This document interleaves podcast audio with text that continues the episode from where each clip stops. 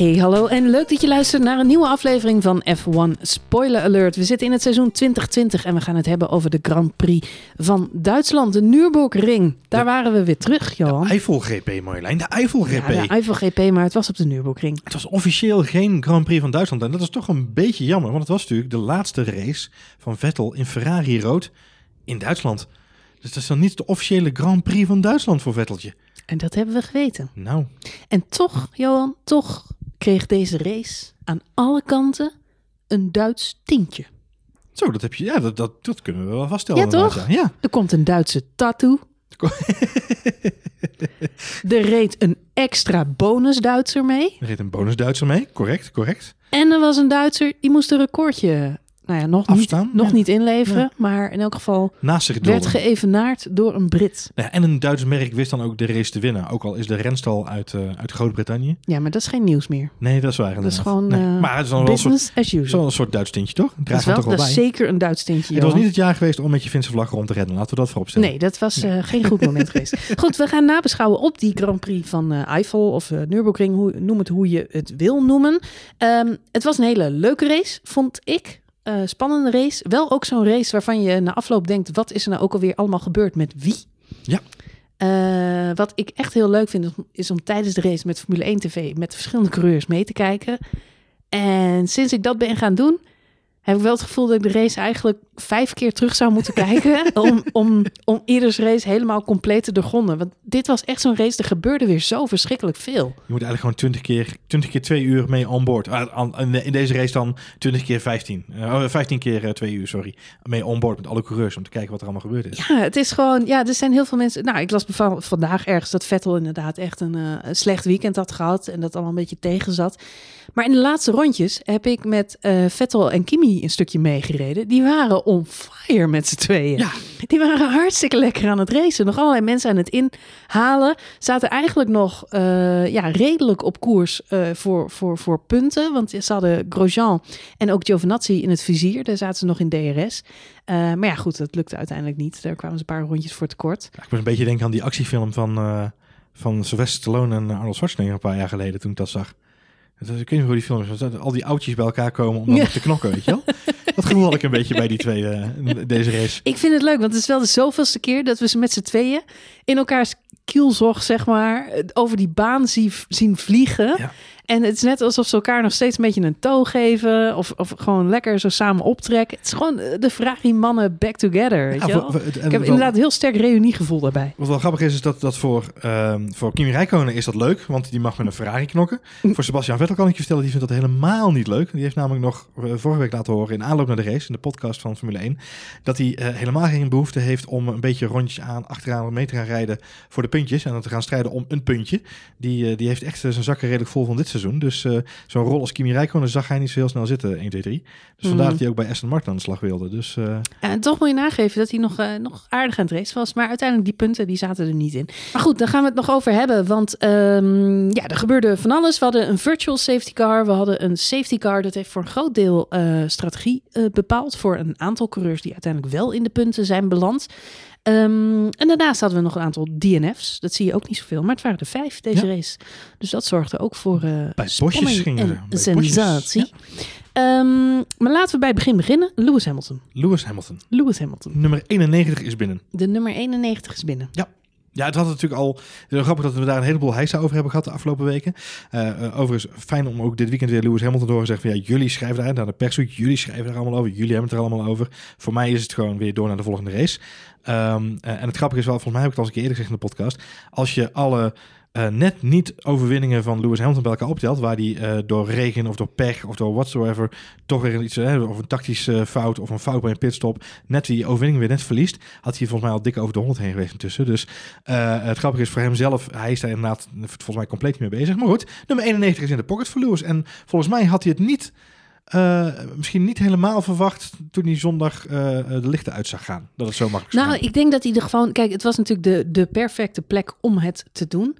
Eh vorige Grand Prix viel het natuurlijk in het water en ehm, moest hij nog een extra ronde wachten. Dat heeft Lewis Hamilton, wat jij zegt, heeft hij wel vaker. Als het erop aankomt, dan stelt hij gewoon zijn kampioenschap nog een race uit. Maar die luxe heeft hij dan ook vaak. Maar achteraf gezien is het natuurlijk, eh, ja, eigenlijk, ja, ik weet niet of het de beste plek is om te doen, maar het feit dat het nu in Duitsland gebeurde, maakt het misschien wel extra eh, symbolisch. De zoon van uh, Schumacher, Mick, die was er natuurlijk bij. Overigens, die zag zijn Formule 1 debuut dit weekend een beetje in het water vallen. Die zijn natuurlijk vrijdag al... Letterlijk en figuurlijk. Leuk, ja, Marjolein. Ja, Leuk. letterlijk. Eh, die zijn natuurlijk vrij training, zijn eerste test gaan doen bij, bij Alfa Romeo. Nou, dat ging uh, helaas allemaal niet door. Maar gelukkig is hij wel gebleven en uh, kon dus de helm van zijn vader overhandigen. Uh, maar ja, het, het, circuit, ja goed, er zaten ook weer supporters bij. Ja, 13.000 fans. Ja. Goed de, verdeeld ook, zag ik. Ja, ja, nou ja, goed, het zullen hoofdzakelijk Duitsers zijn geweest uit de regio. Die zag zaten een volgens paar mij... Nederlandse mensen, zag ik via Twitter ook, wel vertrekken die kant ja, op. Ja, nee, dat goed. is natuurlijk hartstikke mooi. Um, maar goed, ja, voor die mensen is het natuurlijk wel een beetje boer met kiespijn gevoel. Uh, want Schumacher is natuurlijk wel de grote held. De nog lokale steeds held nog steeds, ja. In dat land. Dus, Nee, ja, uh, dus dat, dat is inderdaad... Uh, uh, ik vo volledig begrijp dat die mensen niet zo hard applaudisseerden misschien. Er was wel een, een applausje te horen, toch? Voor de, ja, zeker wel. Ja, ik denk dat net, net als de Engelse... Misschien kunnen wij Nederlanders en ook de Duitsers... dat net iets minder goed blij zijn voor een ander. Maar ja, in dit geval was het natuurlijk wel uh, de juiste plek om, uh, om dat wel te laten merken. Ik denk dat Lewis Hamilton er allemaal in, wat minder mee bezig is, omdat voor hem onderaan de streep maar één ding telt. En dat zijn die wereldtitels. Ja. En hij is natuurlijk heel hard op weg om die uh, zevende wereldtitel binnen te harken. Eigenlijk kan na dit weekend niet zo heel veel meer misgaan.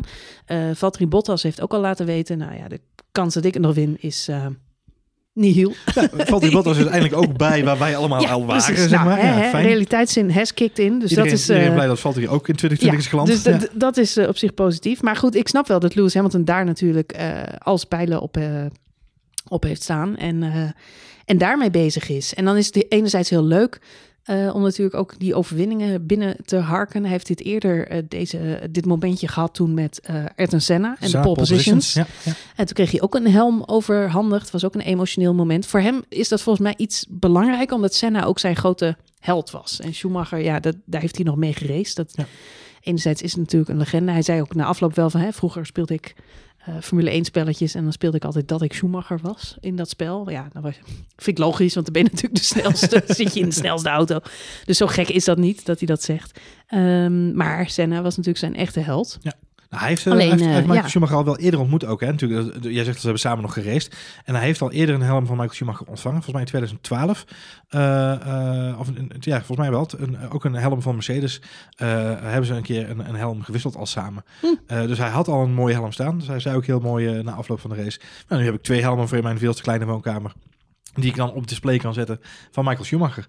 Dus uh, de, de, de, in eerste instantie hadden we het er nog over, dan zou het hem nou meer of minder doen dan, hè? Of, of hoeveel impact heeft het voor hem, omdat hij ermee geraced heeft? Nee, ik had zelf de indruk, maar de, de, pff, daarvoor ken ik hem niet goed. Maar ik had zelf de in, in, ja, maar, maar jij mag Lewis zeggen. Ik mag Lewis zeggen. Nee, ja, eh, Lewis is natuurlijk eh, heel erg gefocust dit seizoen op, op die eh, titel. En daarnaast op een heleboel andere activistische dingen waar hij zich heel erg druk mee maakt.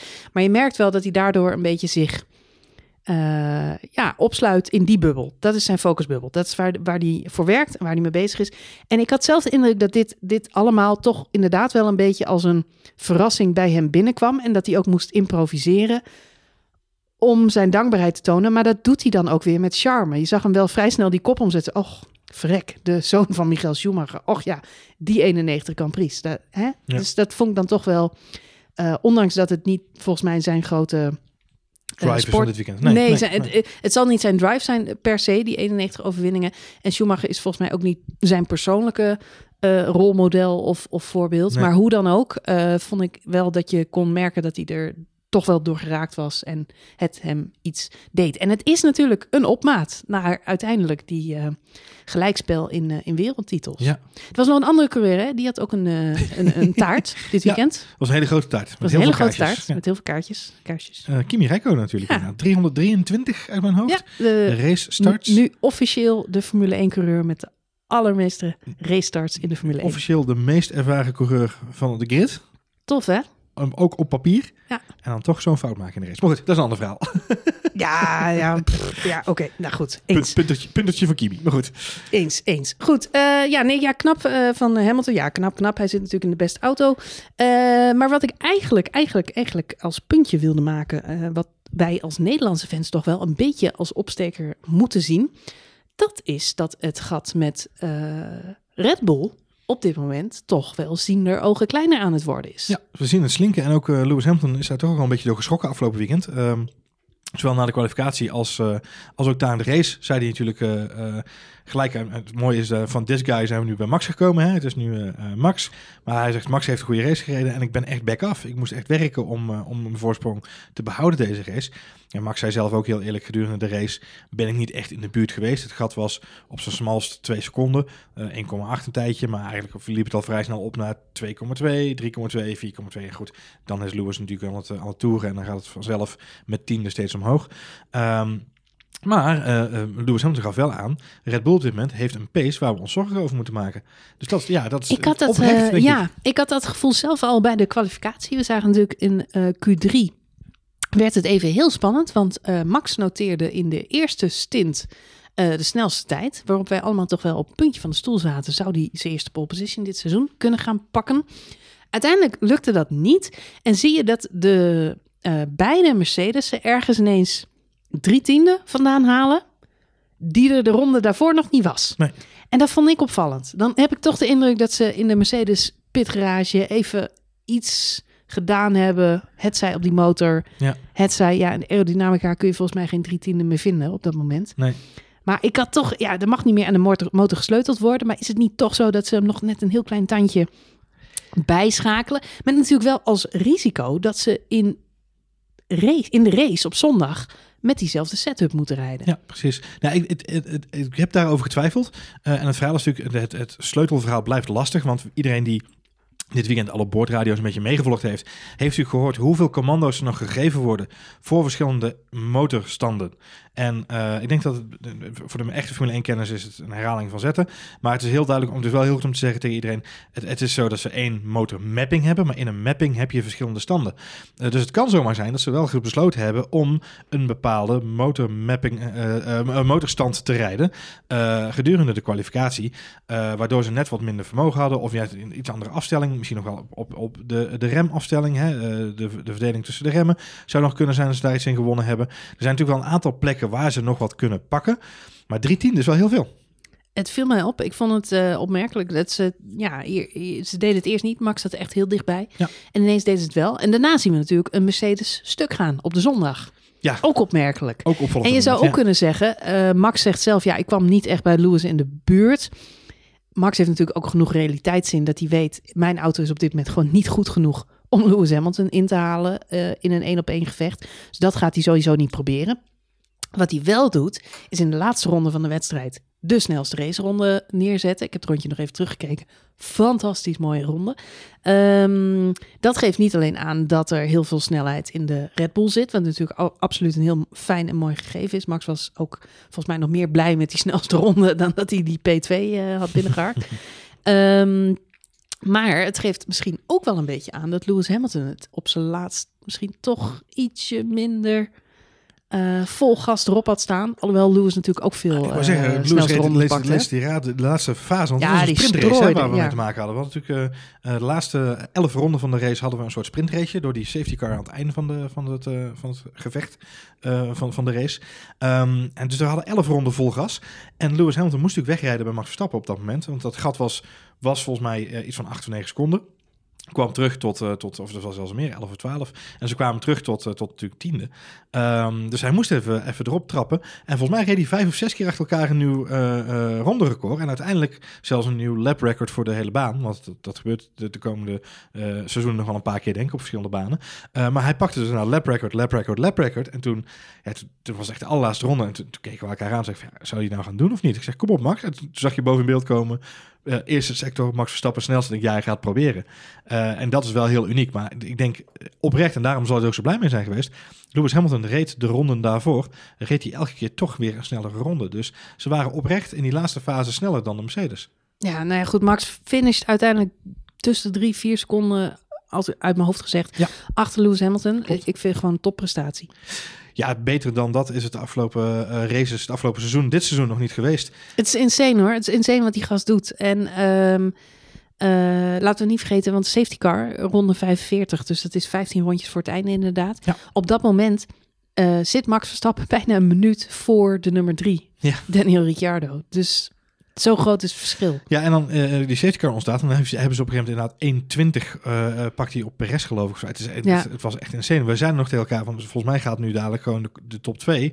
Gaat iedereen tot aan eh, P3 gaan ze op ronde zetten. Nou, de, de safety car, dat vond ik ook nog wel een dingetje hoor. Want eh, ja, daar is... Jij niet alleen, ja. Nee, ja, de, de- achteraf nog gelukkig is het allemaal goed uitgepakt. Maar opmerkelijk dat hij erin kwam, omdat veel mensen toch zeiden van ja, volgens mij was hij niet nodig.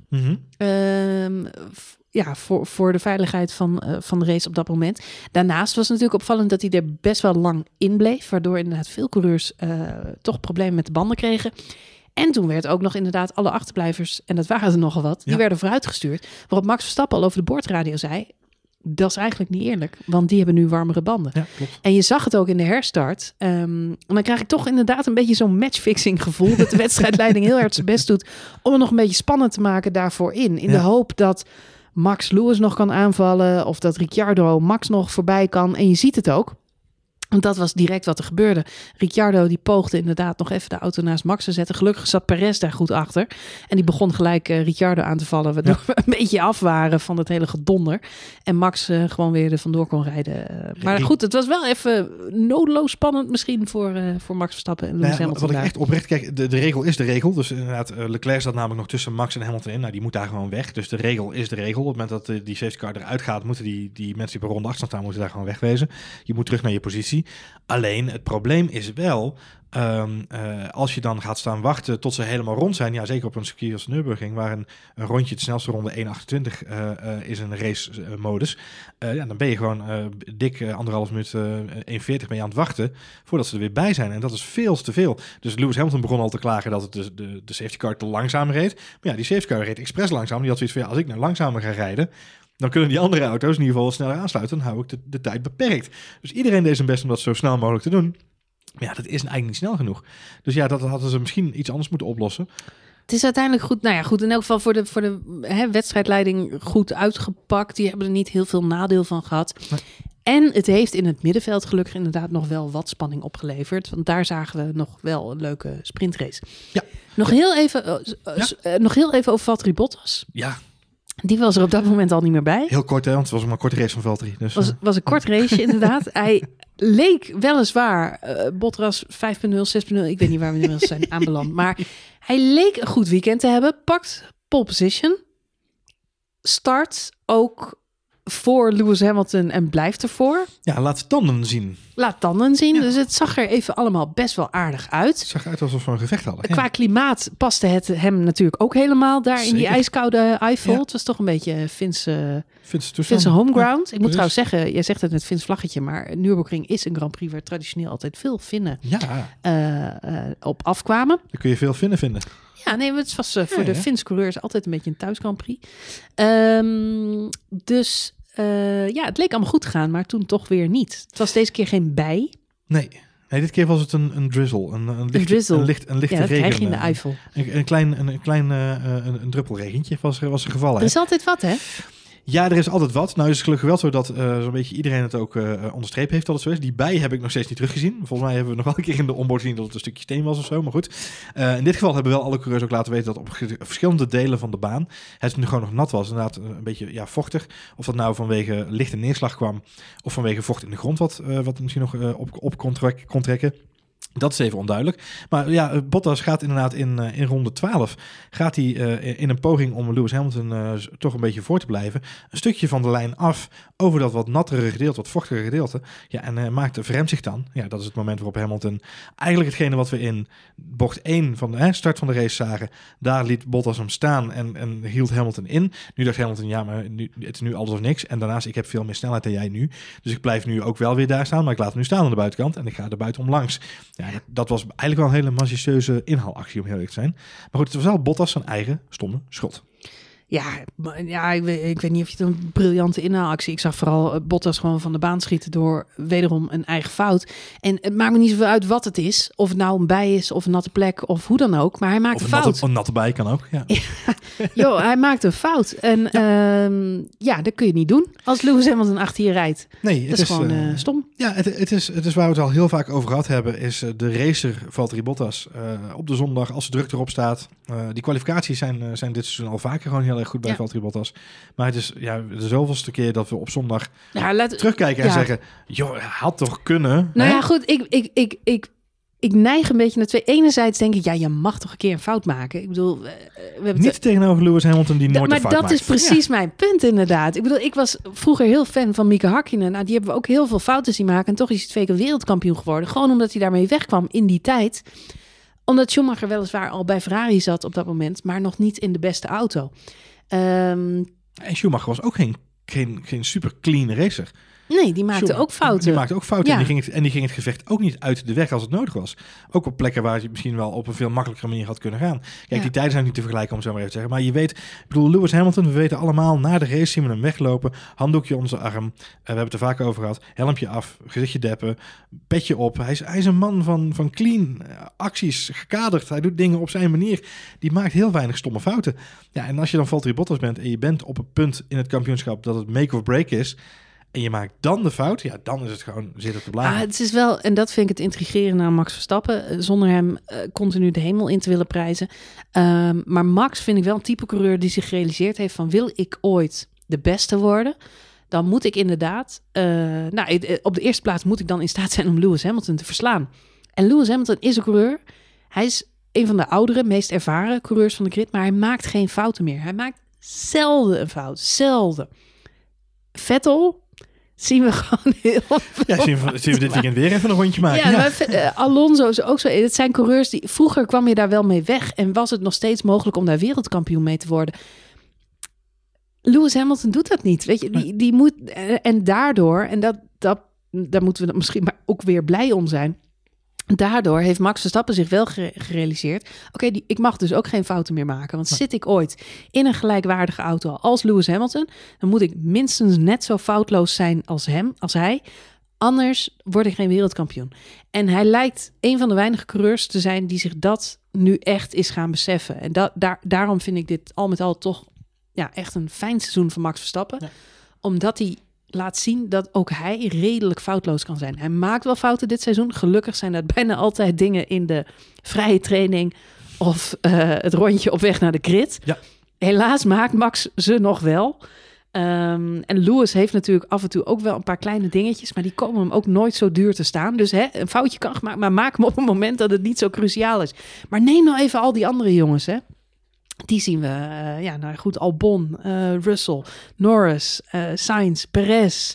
We zien zoveel coureurs zien we nog foutjes maken. en dan denk je, ja. als je ooit de beste wil zijn, als je Lewis Hamilton wil verslaan, dan moet je zorgen dat je foutloos wordt. Ja, of, of heel lang in de racerij blijven dat Lewis Hamilton met, met pensioen gaat. Ja, Ja, maar ja, dan, dan is Max Verstappen er. En versla Ja. die maar eens. Want Nou ja, die, dat- dat die is het, leert eh, gewoon van de meester op dit moment. Dat is wel hetgene waar ik me de afgelopen races eh, over verbaas. Ik sluit me daar eigenlijk wel volledig bij aan. En, en daarop voortbordurend inderdaad is het feit... je ziet gewoon de, de mening over Max Verstappen. En, en dat is natuurlijk altijd leuk om te zien. Ook online, fans. Hè, de, de fans eh, spreken zich vaak uit voor of tegen Verstappen. Maar je ziet dat zelfs nu de mensen die, die in het verleden zeiden... ah, Crash Stappen, hè, de, de, de, de bijnaam die hij had... die heeft hij niet meer, omdat hij dat soort momenten niet meer heeft. De fouten die Max Verstappen nu maakt... en hij maakt ze soms wel een beetje op de vervelende momenten inderdaad voor de race... maar die maakt Lewis Hamilton ook in de vrije training. Als je de vrije training kijkt van Mercedes eh, op vrijdag... Ja, weet je, dat, is de, maar dat zijn de momenten waarop Lewis Hamilton en Valtteri Bottas ook wel eens een keer een, een, een rempuntje missen. Of een keer een lock-up hebben. Of een, eh, eh, een, een verkeerde motorstand inschakelen op het verkeerde moment. Dus daar maken ze heus ook wel fouten. Ehm, maar dat is dan allemaal data die ze meenemen naar de zaterdag en de Ik zondag. kan het zeggen, dat is allemaal op weg naar die perfecte ronde. En dat is het mooie van dit weekend, Marjolein. Dit weekend hadden ze die data natuurlijk ook niet. Nee, dat maakte wel deze race extra spannend, vond ik. Dus dat... eh, en weg- volgens mij ook meteen de reden dat we vijf auto's niet hebben zien finishen. Dat waaronder had, die van Valtteri Bottas, denk ik. dat had volgens mij Ja. veel te maken met het feit dat er niet gereden kon worden met deze auto's. Nee, klopt. Eh, je ziet dus wel met name inderdaad het bandenmanagement dit weekend ook. Hè. Daar hebben ze een probleem mee. Zijn eh, alle drie de top drie coureurs die op de, in de top drie gefinished zijn dit weekend. Ricciardo, Verstappen en, eh, en eh, Hamilton. Spoiler alert. Ehm, alle drie hebben gezegd, laten we gewoon dit vaker doen. Want weet je, dit is een hele goede vrijbrief geweest waarom we naar, naar een tweedaags programma toe moeten. In plaats van een driedaags programma. Want ja, weet je, waarom hebben we drie vrije trainingen? En eh, ik, zag, zag ergens anders voorbij komen iemand, ik weet niet meer wie het was. Dus als ik nu iemand zijn idee pik, spijt me heel erg. Shout-out via Twitter. Ehm, maar ik zag ook iemand reageren met misschien kunnen we het wel omgooien. Dan doen we een vrije training op vrijdag. eh, of op zaterdagochtend. En dan een kwalificatie. En dan nog een training daarna. Als je nog dingen wil testen of uitproberen. Moet je even kijken wat je wil doen met de Park Vermee. Hoe je dat wil oplossen. Maar in principe zou je ook gewoon kunnen zeggen. eh één trainingje. Dan een kwalificatie. En dan misschien nog een vrije training om je, om je race setup goed te af te stellen. Dat je in ieder geval daar wat veiligheid mee hebt. Maar je, weet je, je kunt zoveel dingen bedenken om te zeggen... we gaan naar een tweedaags programma, minder data. En ik heb hier al eens een keer eerder een wat langer stuk over geschreven. Minder data voor de teams betekent gewoon meer onvoorspelbaarheid op de zaterdag en op de zondag. En ik denk dat dat voor de fans alleen maar eh, eh, een win is in dit geval. Eh, deels eens. Aan de andere kant denk ik meteen aan het programma van Zandvoort. Waar natuurlijk veel van ons luisteraars hopelijk volgend jaar ook naartoe gaan. En die hadden bijvoorbeeld op vrijdag een heel programma bedacht. Onder andere in samenwerking met de Jumbo. Met gratis kaartjes en een familiedag en concerten en optredens en toestanden. Ja. Voor heel veel mensen is het juist ook leuk, zeker mensen die in de regio wonen, om die vrije trainingen te bezoeken. En dat zijn vaak mensen die dan alleen naar die vrije trainingen gaan. Die vinden het gewoon leuk om Formule 1 auto's een keer in het echt te zien rijden. Ja. Eh, maar zijn niet bereid om de hoofdprijs te betalen voor tickets op de zaterdag en Nee. de zondag. Tickets op de vrijdag zijn over het algemeen goed te betalen. Kost een paar tientjes. En dan kun je toch een keer sfeer proeven en kijken hoe het is. En dat zou ik dan echt wel jammer vinden. Dat Ja. dat eh, vervalt. Maar het is natuurlijk een kip-ei verhaal. Is het voor de fans fijn dat ze het een keer kunnen zien? Of is het voor de teams fijn dat ze de data kunnen verzamelen? En dat is natuurlijk de afweging die je moet maken. Eh, en nou, je kunt onderaan de streep zeggen, we doen het voor de fans die op vrijdag kunnen komen kijken. Maar als dat betekent dat uiteindelijk op de lange termijn een hele grote gro- groep van je fans afhaakt, omdat ze het gewoon niet meer leuk vinden om te kijken, want er zoveel voorspelbaarheid zit in de sport. Ja, weet je, moet je op een gegeven moment de afweging ook gaan maken, denk ik, als, als organisatie. Maar we kunnen dit, dit jaar nog een keer in actie zien. We gaan natuurlijk nu naar Portugal toe eh, over twee weken. En dan gaan we naar Imola, eh, Italië, voor de derde keer dit jaar. En dan kunnen we daar nog eens een keer kijken wat er, eh, wat er gaat gebeuren. Want daar is ook maar een, een tweedaags programma. Check, check. Er is te weinig tijd om van A naar B te komen, letterlijk. Exact dat. Dus, eh, ja. Oké, eh, nou, we moeten door, we moeten door. Want er was meer nieuws. Een eh, ja, story that's continuing. een soort rood draadje, of moet ik zeggen, roze draadje door dit seizoen. Is eh, de terugkeer van Nico Hulkenberg. Daar was hij ineens weer. Ik eh, liep zelf 's ochtends in de supermarkt. Ik kreeg gewoon appjes van mensen. Heb je het al gehoord? Hij komt terug. Dus eh, Het is niet hij was er weer. Hij was er weer. Ja. Ik vind het ook heel leuk om dan terug te lezen hoe dat dan gegaan is. Want hij was blijkbaar weer aan het koffiedrinken. Was vorige keer ook al zo. Ja. En die man drinkt nogal wat koffie. Die drinkt nogal wat koffie. Hij zat gelukkig wel in Duitsland, in Keulen, dat, op dat ja. moment.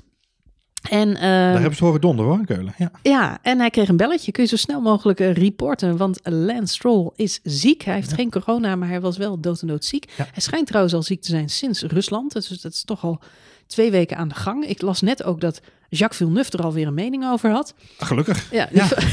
Ik was al even bang, want als Jacques Villeneuve geen Ja. mening heeft, dan moet je ook even checken Ja, of, hij, nog gezond is. Ja. Echt die man af en toe. Eh, maar goed, nee, ja, eh, laten we er maar vanuit gaan dat Lance, echt heel erg ziek was. Anders zou hij inderdaad echt wel in een auto zijn Ga ik- gestapt. Ga ik vanuit, ja. Hij doet het niet voor zijn lol. Hij stond ook behoorlijk goed in het kampioenschap. En eh, daar leeft hij toch een beetje op in dit weekend. Dus ehm, dat zal hem echt niet eh, goed uitkomen. Ehm, maar ja, Nico die mocht weer eh, meedoen. Maar dit keer had hij Hulkenberg for more. Hulkenberg for more. Maar hij had eh, minder tijd om zich voor te bereiden dan vorige keer. Want hij is letterlijk om 11 uur s ochtends gebeld. En om 1 uur was de kwalificatie. Ja, ik vind het eh, een, een, een bizar sprookjesverhaal. En als je het vanuit fan-optiek bekijkt, dan denk je wel heerlijke storyline weer dit. Drive to Survive. Ik hoop dat ze erbij waren dit weekend. Volgens mij waren ze dit weekend niet bij. Maar In die koffietent. al. het, ja, dat zijn, ja, dat gaan ze nog even naderhand opnemen, denk ik. Nico, kun je Ja, even heel Nico, verbaasd, kun je even heel weer- verbaasd ja. acteren, Nico. Je hebt toch niks te doen. We kunnen jou wel gewoon eh, de rest van het seizoen kun je Oh, really? Right ja, now? Precies. Koffiebroodje tegen zijn oor gaan. Ehm, maar goed, eh, eh, dus voor de storyline is het heerlijk. Het, is- het is natuurlijk een, een, anekdote die het heerlijk doet in de kroeg. En, Het kwam ook allemaal goed uit, hè? Maar er, er komt nog een ho- hoop gossip omheen. Maar hij had, hij had smiddags al daar op het circuit zullen zijn, omdat hij commentator was bij RTL. En daardoor was hij ook al getest op eh, corona. Ja, hij was aan het begin van de getest voor de, voor de, voor de COVID. hij- daar was hij doorheen gekomen, had hij een, een goede test gehad. Ja. Alleen dan moet hij nog steeds een extra test doen eh, om ook als coureur te worden geboekt. Dus hij had een toegangspas voor de Media Village. Mhm, En want dat is mhm. tegenwoordig gescheiden kampen zijn dat. Daar mocht hij naar binnen. En dan moest je dus nog een extra testje doen. eh, om nog even te zorgen dat hij ook de paddock in mocht. Dus eh, en even de motorhome van, van Racing Point. Wat natuurlijk weer hilariteit Dat was. is weer een ander bubbeltje. Wat hilariteit Dat was. Want hij maakte een, een foto van zijn, van zijn pas. dat hij dus inderdaad eh, de was. En er stond keurig op Nico Hulkenberg.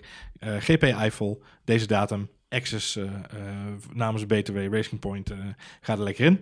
Alleen er stond onderin. No access to the starting grid.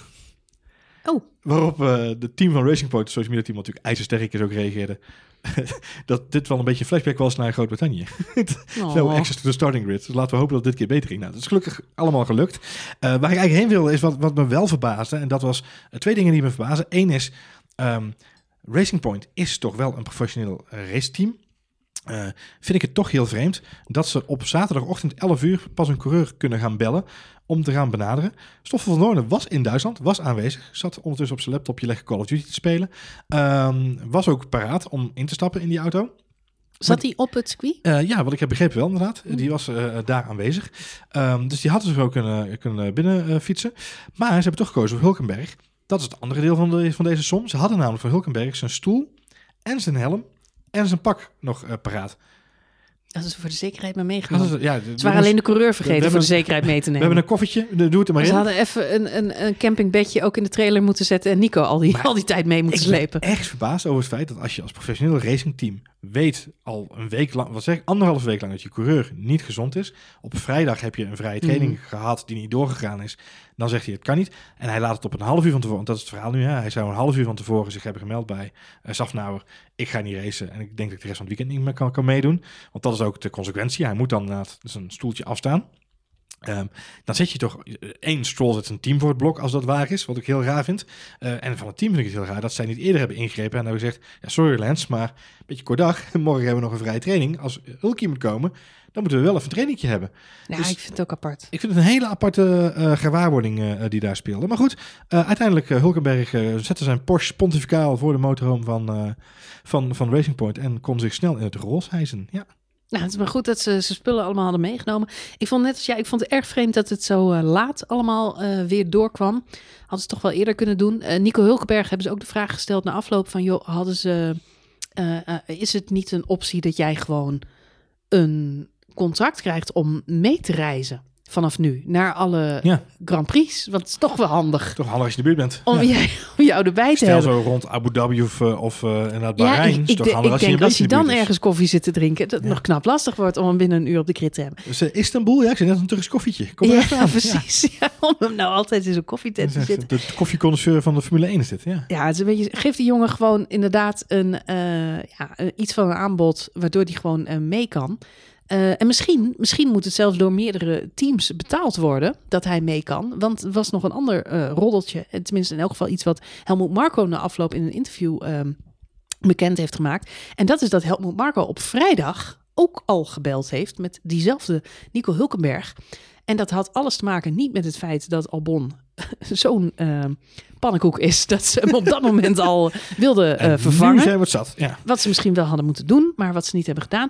Eh, nee, het had alles te maken met het feit dat Albon een inconclusive, dus een onduidelijke coronatest had eerder deze week. En eh, ja, om toch te zorgen dat ze in elk geval een coureur klaar hadden staan om te gaan racen, hebben ze toen alvast Nico Hulkenberg contact. Wat ik ook vreemd vind, want het is ook weer een. eh, je hoort natuurlijk aan twee kanten hoor je dan eens het verhaal. Eh, en, en dan hoor je dus vanuit Racing Point hoor je, er worden dus, ze worden twee keer in de week getest. Ze worden op maandag getest. En ze worden, als ik het goed heb begrepen, op woensdag getest. Want dat weten we nog van onze grote vriend Sergio Perez. Die op woensdag de vorige keer een inclusieve test had. Op donderdag vervolgens kreeg dat het inderdaad het, eh, nog een test Mhm, moest doen. mhm. Et cetera. Dus we weten, op maandag en op woensdag worden die jongens getest. En dan donderdag, vrijdag en zaterdag en zondag zitten ze natuurlijk in de bubbel. Dus dan is het in principe allemaal gedekt. Ehm, als dat zo is dat hij op woensdag, eh, dat, op woensdag al een inclusive test was van Albon, dan had hij toch op donderdag al die hertest gehad. Waarom heeft Helmut Marko dan op vrijdag nog met Hulkenberg gebeld? Ik vond het zo'n raar verhaal. Ik geloof het wel hoor, want ik denk dat Helmut Marko de met iedereen aan het bellen is. Dat is onderdeel van zijn werk volgens mij namelijk. Maar ik vind het wel een heel vreemde eh, eh, verhaalboog, omdat als er een inclusive test zou zijn geweest, dan was die op woensdag al bekend. Dus dan is het ook heel gek dat Helmut Marko pas op vrijdag gaat bellen. Ja, ben ik wel met je eens. Dus eh, ik doe mijn aluhoedje weer even af. Ja. Maar ik vond Nee, het maar wel... het is wel een vreemd verhaal. Wat, ook, wat er nog extra aan bijdraagt, dat is dat na afloop ehm, aan beide heren gevraagd is van hoe zit het dan voor volgend jaar? Is Nico Hulkenberg ook een serieuze kandidaat om eventueel naast Max Verstappen te gaan rijden? Eh, Nico Hulkenberg zelf heeft direct gereageerd en gezegd, eh, nou daar ga ik niet van uit, want ehm, Red Bull staat erom bekend dat ze junioren opleiden en investeren in de toekomst. Nou ja, goed, ik, eh, Ik ben 33, ja precies. ik ben dat niet. En Helmut Marco heeft ook aangegeven dat dat op dit moment totaal geen reële optie is. Dat is opvallend, hè? Is toch opvallend? hè? Ja. Maar hoe kun je dan wel bellen? Ja, precies. Zo van, wees stand-by. Ja. Ja, het is een hele rare... Dus hij is wel op het vizier, maar toch ook weer niet. Nee, heel Ik, ik heb een beetje het gevoel bij Helmut Marko dat het een soort zwaankleef aan is. Oh, dit is interessant. Ik ga hier even op mee. Ik zie een hashtag En trending toch, gaan. en ik toch mee. ik ben heel benieuwd, want we, hebben, eh, we zijn nu toch weer een beetje terug bij die hele discussie over eh, eh, Sergio Perez, die toen corona kreeg, er moest een vervanger komen. En hoe hadden al die andere teams dat geregeld? Ehm, er zijn eigenlijk maar weinig coureurs die een hele duidelijke nummer drie hebben. Ja, Teams, ja, ja, Ja, klopt. Sorry, teams. Ja, en ik vermoed toch dat ze dat, of ik hoop toch eigenlijk ook, dat ze voor 2021 dat allemaal wat beter gaan regelen. Het ziet er in elk geval naar uit dat we volgend jaar nog niet helemaal van die coronacrisis af zijn. Betekent ook dat als we in maart gewoon weer gaan starten, eh het zij met een aangepast seizoen, het zij gewoon met het normale seizoen, dat er nog steeds coronatests uitgevoerd gaan worden. Zeker, ja. Ehm, dus ja, het gevolg van dit seizoen zou best wel eens kunnen zijn dat ze voor volgend jaar gewoon standaard drie coureurs onder contract Ja, maar dat vind ik het vreemde. Dat, eh, volgens mij, eh, ik weet niet of ze allemaal standaard drie coureurs onder, onder contract hebben staan, maar ze hebben allemaal wel een derde coureur voor zichzelf aangewezen. Of ze hebben een pool van hè, mensen waar ze uit kunnen kiezen. Van Alfa Romeo weten we dat ehm, eh, onze grote vriend eh Kubica natuurlijk daar nog aanwezig is ook. Ehm, wat ik vreemd vind is, het is echt een kostenafweging volgens mij, dat ze niet gewoon altijd een coureur meenemen. Eh, en, en misschien ook wel een logische afweging. Als je, en dan gaan we weer terug naar het, eh, de tijdlijnen van dingen die plaatsvinden. Als je inderdaad weet dat op woensdag in principe de laatste COVID-test is, ja, dan, kan er, dan moet er iets heel geks gebeuren. Maar dan heb je nog steeds vanaf woensdag tot, tot vrijdagochtend of, of zaterdagochtend, heb je de tijd om iemand in te laten vliegen als het nodig is. Eh in echte noodgevallen, stel dat iemand zijn been breekt of eh Lewis en Vettel die hebben een, een, een sc- een scooterraceje met een step en ze, ze botsen ergens tegenaan. Weet je, dan kun je altijd nog een coureur laten invliegen. Alleen, het is wel heel opvallend dat eh, eh, geen enkel team, eh, volgens mij was het dit weekend, nou Stoffel was er volgens mij, maar dat heeft volgens mij ook te maken met het feit dat hij bij Mercedes rijdt en dat het een beetje een, een Duitse aangelegenheid was. Maar volgens mij was er van andere teams waren niet alle coureurs, de alle derde coureurs aanwezig inderdaad. Nee, maar je zou je bijna kunnen afvragen. Nou, neem een Kimi Räikkönen. Die, die, op, Ja, die is drie coureurs in één. Nou ja, dat sowieso. Ja. Maar nee, maar die, die vindt het heel erg leuk om nog Formule 1 te rijden. Maar hij rijdt natuurlijk niet daar rond voor de eh, podia of de overwinning. Ja, Je weet niet of ze Kimi verteld hebben. hè?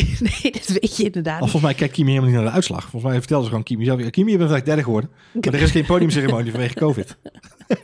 Nee, Zo, maar hij, gaat, eh, hij doet ook niet mee voor een bepaalde plek in het kampioenschap. Dat interesseert hem volgens mij ook helemaal geen, geen, geen drol. Nee, Dus je ja. zou bijna kunnen zeggen, Kimi is een perfecte eh, nou, derde coureur, niet per se. Maar hij is, eh, eh, waarom zouden ze bij dat team niet met drie coureurs gaan rijden? Ja. Waarom zouden ze niet afwisselen? En Mick Schumacher erin zetten en Kimi Räikkönen en misschien Giovinazzi als derde coureur. Maakt me niet uit. Maar stel, Mhm. Kimi kan een keer niet. Of Kimi heeft zoiets van, nou, hè, die verre weg, weg races heb ik wel gezien.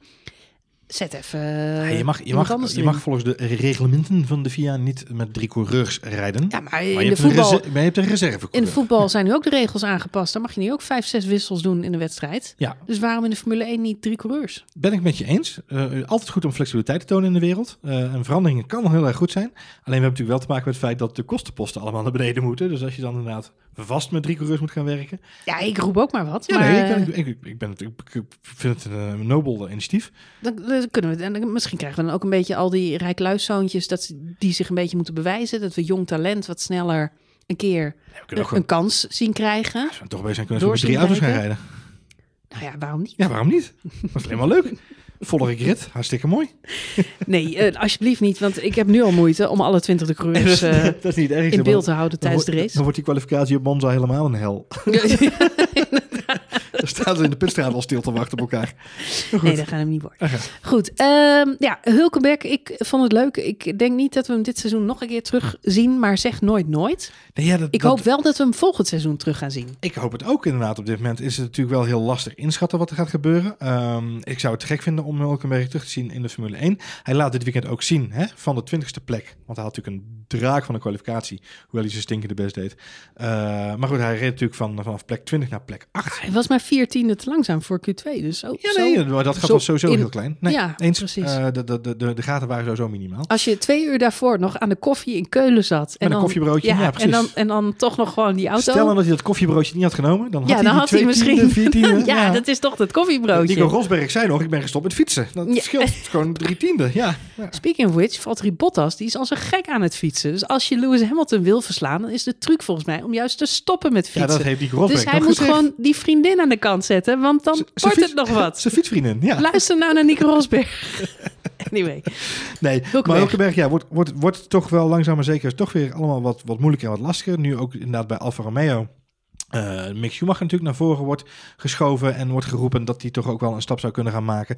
Kimi Räikkönen zou verlengd hebben, zegt zelf nog van niet. Nevelt zich in, eh, in eh, onduidelijkheden, zoals we Kimi eigenlijk kennen. Ik vermoed dat Kimi nog een jaartje doorgaat en ik denk inderdaad dat Mick Schumacher daarnaast komt. Dan heb je eigenlijk alleen nog echt Haas over als mogelijk team. En daar was natuurlijk dit weekend het grote gerucht dat papa Mazepin de portemonnee eindelijk een keer mag gaan trekken en ook echt mag gaan betalen. Want hij wil al heel graag allerlei teams overnemen. En dat zou dan dus nu in dit geval Haas zijn. Ehm, dan zou hij het team van Gene Haas overnemen. En dan zou eh, eh, eh, zijn zoon de stap gaan maken naar de Formule 1. En zou Sergio Perez daarnaast komen te zitten.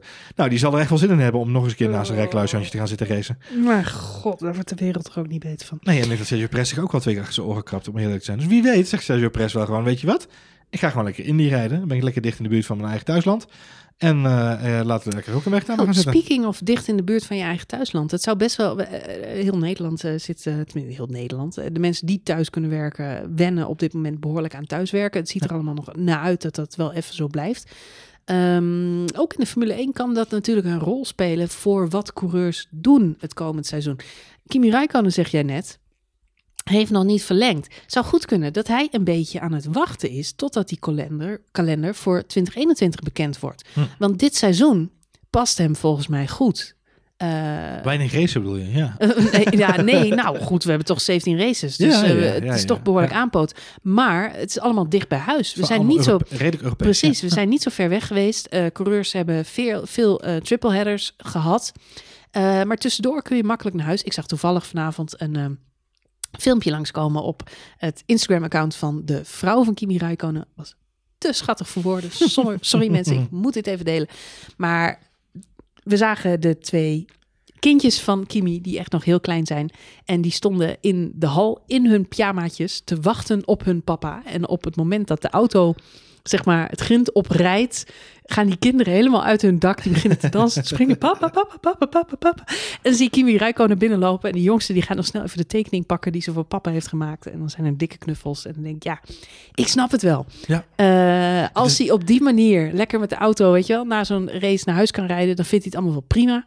Eh, maar als hij er weer voor de halve wereld over moet reizen en eh, ja, twee derde van het jaar weg is, ik denk dat hij dan te weten bordje zegt. Zo Wat denk jij? inderdaad. Ik denk, voor Kimi zal het wel baden zijn dat Mintu dat filmpje gepost heeft. Want Kimi is natuurlijk wel degene die het laatst nog Lewis Hamilton eh, duidelijk maakte dat het rocksterren-legende verhaal van de Formule 1 eh, Toch een beetje het, eh, aan zijn... eh, Ja, maar rocksterren, dat, heeft, dat, doet, dat maakt niks uit dat je dan ook een familieman Nee, bent. dat hè? waar, dat dat, gaat goed Vooruit. samen. Vooruit dan maar, vooruit dan maar. En zijn er al beelden van het hondje van Nico Hulkenberg? Want ze dan toch in echt heel Nou, ook zijn? nee, die heb ik nog niet Nee? gezien. Maar het Gelukkig. zou wel heel schattig goed zijn. zo, goed zo. Maar Nee, goed, eh, voor Checo ja. Perez, ja, het zou heel goed hetzelfde kunnen gelden. Dat hij ook inderdaad zegt van, ja, ik ga gewoon lekker lokaal racen. Zou misschien eh, niet eens een hele stomme zet zijn. Nou ja, kijk, Ja, en dan... Waar is natuurlijk gewoon een, plek waar je, waar je goed eh, eh, je ei kwijt kan, onderaan de Ja. streep. Wordt ook fanatiek geraced en, en zijn, zijn de wedstrijden ook redelijk spannend. Ehm, dus, en die banden liggen daar natuurlijk gewoon. En voor hem is het zo, hij heeft natuurlijk een hele Mexicaanse portefeuille aan sponsoren. Als de Formule 1 volgend jaar niet wereldwijder gaat, eh, bijvoorbeeld naar Noord-Amerika, Zuid-Amerika en Mexico, zal het voor die sponsoren ook lastiger worden om te blijven volharden. Hè, de economische uh, wereld staat sowieso een beetje op zijn kop. Dus zij zullen ook naar hun budget moeten kijken en zeggen: ja, maar luister even, als wij iemand gaan sponsoren die alleen maar in Europa een, een, plaatje is en minder hier in, in ons continent te vinden is, ja, dat zal er ook mee gaan meewegen. Dus ja, even spannend. ik hoop voor Hulk echt wel dat hij erbij is volgend jaar. Want, en ook voor Perez trouwens, want onderaan de streep zijn er genoeg cijfers die aantonen dat Checo ook gewoon de Formule 1 thuis hoort. Dus laten we alsjeblieft hopen mijn ideale droom blijft Checo Perez en Nico Hulkenberg samen bij Haas volgend jaar. Dat zou te gek zijn. Bij Haas? Ja, joh. God.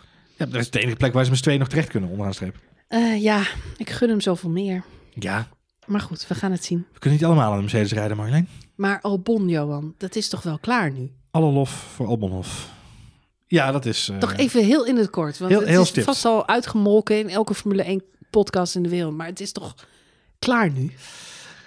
Ja, en toch zie je Christian Horner weer de afgelopen 48 uur het opnemen voor Albon. Dat hij een oké weekend heeft gehad. Dat hij alleen een tegenvaller had. Dat er, uh, jij zei het al, een grind in de auto terecht was gekomen. En daardoor een lekker radiator had en daardoor moest retire. Ik denk dat ik, jij en, en ook onze luisteraars, misschien wel alle Formule 1 fans, hebben vooral gezien dat Alexander Albon uh, weer, net achter, weer op een halve seconde achter Max Verstappen kwalificeert. Allah, dat is prima. Dat zal meer coureurs overkomen als ze in die auto zitten, ben ik bang. Uh, maar vervolgens in de eerste uh, rondes van de race alweer twee stomme fouten maakt. Waardoor hij vroeg moet pitten. Nou, zijn hele wedstrijd staat weer op zijn kop. En dat is volgens mij nu al de vierde of de vijfde keer dit seizoen dat we die optelsom moeten maken. Ja, weet je, ik vind het te schattig voor woorden dat uh, Red Bull het blijft opnemen voor Albon. duim omhoog voor de PR-lessen die ze hebben geleerd van de situatie Gasly vorig jaar. Um, maar het zet geen zoden aan de dijk, joh. Het, het, helpt helemaal niks. Het, het, maakt het alleen maar pijnlijker. En, en het is alsof een soort nagel die over het schoolbord heen gaat, weet je wel. Dat er was ook nog die hele situatie met die boordradio en uh, They Race Me So Hard. Ja. Het is allemaal een beetje, ja goed, we moeten, ik vind, eh, iedereen roept wel eens wat over de boordradio. En in zijn geval klinkt het ook nog eens een beetje zielig. Ja. Uh, then again, ik heb ook een hele tijd met de boordradio van Lennon Norris meegeluisterd. Die klonk ook behoorlijk zielig. die zag het ook totaal niet meer zitten. En die moest ook behoorlijk uh, opgelapt worden door, uh, ja, door zijn team. Om toch maar vol te houden. Ja, maar die is gewoon even in een tuinstoeltje zitten. Toen kwam alles goed. Dus... Ja, toen kwam het goed, maar hij was partij kwaad over de boordradio. Dat wil je niet weten. Hij liep te vloeken en te schelden en te tieren. Dat hij het echt helemaal, helemaal, helemaal zat was. Ja, maar die jongen had een compleet nieuwe motor in zijn auto liggen. Ja. Die, heeft, die hebben ze s ochtends nog een nieuwe motor in staan schroeven. Dus die is natuurlijk helemaal over het vlos gegaan feit, hebben ze staan schroeven? Want nu heeft hij een gridstraf voor de volgende race. Ja. Dus ze moeten weer die motor vervangen waarschijnlijk. Dus ja, ga er aan staan. Cyril Abiteboul heeft na afloop gezegd dat ze een uh, diepgravend onderzoek gaan doen naar wat er mis is gegaan in de motor van um, uh, Lennon Norris. Ja. Omdat hij natuurlijk niet wil dat mensen denken dat ze op dit moment een slechte motor zouden leveren aan McLaren. Hmm. Omdat ze met McLaren in strijd zijn om een plek in het kampioenschap. Het gat is twee punten, het kampioenschap. Het is uh, behoorlijk spannend. Het brengt ons ook op het puntje Renault. Want eindelijk, eindelijk, eindelijk stond Renault dit weekend op een podium, Johan. Ze hebben er lang op moeten wachten. Uh, voor Ricciardo was het 2,5 jaar geleden. 2,5. Voor Renault was het? Goeie vraag. Goeie vraag. Gaan we opzoeken. Gaan we opzoeken. Gaan, was het, het feit, langer het feit, geleden? Het feit dat we het niet weten zegt al voldoende, denk ik inderdaad. Ja, ik, eh, ik kan het echt even niet... Uh, ja, Renault als team. Als, als team, hè? Precies, niet, uh, niet uh, motorleverancier. Nee. maar vooral dit seizoen bedoel ik ook met eindelijk. Want we hebben eigenlijk elk middenmotorteam, om ze maar even zo te noemen, al op het podium zien staan. McLaren heeft de podia al gepakt dit seizoen. Toro Rosso, sorry, Alfa Tauri ja. Ik blijf het verkeerd doen. Uh, heeft natuurlijk Spodia al gepakt. Um, en dan hebben we nog Force India, Racing Points. Racing Point, ja. Je gaat gewoon alle klassieke namen elkaar gooien. Mina, sorry, ik, zeg, hoor. ik zeg gewoon... Ik, het is laat mensen, het is laat tijdens zeggen, de opnames. We zeggen vintage, vintage Renault en dan ga jij gelijk helemaal terug naar, uh, naar, ja. naar de Force India tijd. Flavio Briatore. Flavio... Sinds dat de hele situatie daar, uh, Crashgate. Ja, precies. Um, nee, het, het, iedereen heeft zijn podium al te pakken inderdaad vanuit die middenmotor. En dan is uh, Alfa Tauri daar nog eigenlijk de, de onderste van, van het, van het groepje, om zo maar even te zeggen. Ook Ferrari, als je het hebt over de heeft ja, ook zijn podium al te pakken. Inderdaad, ja. dus iedereen heeft al je een zou bijna vergeten bij het rijtje, maar je hebt helemaal gelijk. Nou ja, kijk, de enige die nog op een podium echt zitten te wachten waren Williams. Ja, die zitten ook nog op punten te wachten over het algemeen, ja. Uh, en ja, in dit geval Alfa Romeo zaten ook nog te wachten op een podium. Ja. En Renault. Ja, Ja, dat Renault waren was- nog ja. zaten te wachten op een uh. Dus dan, dan weet je ongeveer dat is toch wel eh, goed, hè? hoe eh, zenuwachtig uh, Cyril Maar Abiteboul was. dat, ja, dat, nou ja, goed. Het zat er dan wat dat betreft wel heel erg aan te komen. Ricciardo heeft natuurlijk dit seizoen al een paar keer in die positie gereden. En laten we niet vergeten, Ricciardo finisht gewoon al een tijdje best wel goed. Pakt echt veel punten. En dat wordt ook bewezen door het feit dat hij op dit moment gewoon vierde staat in het kampioenschap. 78 punten. Ja, klopt. Ja, hij heeft uh, ook aangegeven naar Spa eigenlijk al hè, dat, uh, de, de, ze de ideale mengelmoes gevonden hadden in de auto. De downforce en de, en de, de, de power unit afstelling was eigenlijk een hele goede balans. Nou, ze hebben vervolgens inderdaad Monza en, uh, en de races na hebben ze goed opgepakt. dus het zat er een tijdje aan te komen. En zoals Daniel Ricciardo zelf ook al zei, toen ik mijn contract tekende, hebben we ook tegen elkaar gezegd, de doelstelling is in het tweede seizoen een podium pakken. Uh, dus er is nooit de hoop of de, de, illusie geweest dat ze in het eerste seizoen een, een, een, een, spaan zouden breken. Maar er is altijd de optie geweest dat ze in seizoen 2, dat is altijd geen als ze uitsproken hebben, het missie is seizoen 2 podia pakken. Nou, podia is er nu is podium. Um, uh, gezien het hele maffe seizoen waar we in zitten en het feit dat er inderdaad uh, natuurlijk allerhande dingen mis zijn gegaan links en rechts bij de teams, zie je dat de Renault nu toch zijn podium te pakken heeft, eindelijk, onderaan de streep. En het maakt het niet alleen voor Ricciardo heel erg zoet, maar ook voor Renault inderdaad. Want ja, die waren al een beetje aan het wegzakken in het klassement, in het coureurskampioenschap, of uh, constructeurskampioenschap.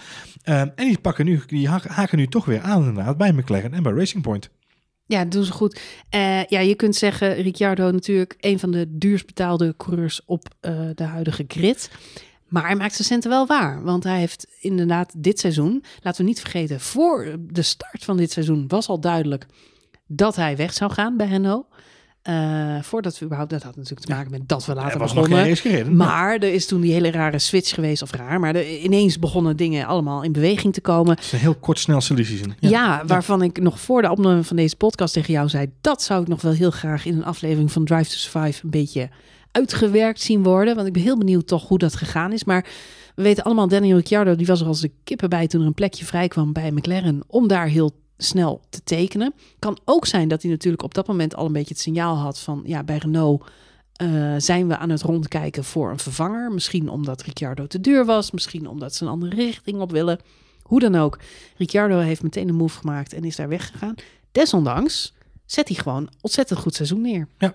Ja, hij, dus uh, hij, maar, in tegenstelling, nou, je zou kunnen zeggen, in tegenstelling tot een Vettel, die ja. echt een beetje uh, ja, bij Ferrari gewoon aflopende zaak. En het lijkt er bij Vettel af. Het kan zijn dat hij niet meer het beste materiaal krijgt ten opzichte van zijn teamgenoot.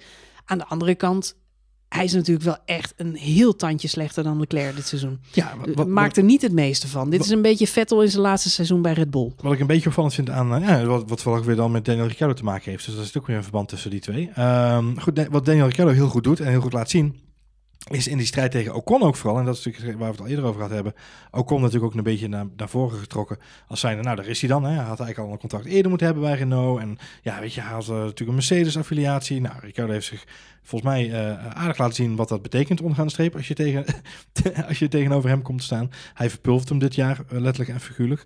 Um, en wat hij heel goed doet, hij, hij blijft positief over het team. Uh, en hij blijft positieve bijdrage leveren aan de uh, ontwikkelingen van de auto, ook voor volgend seizoen. En dat is een van de meest opvallende dingen misschien wel van deze hele ja, aflopende samenwerking, is dat ze toch openlijk blijven toegeven dat uh, ondanks alles Daniel Ricciardo nog steeds input levert en ook dingen hoort over de auto van volgend jaar.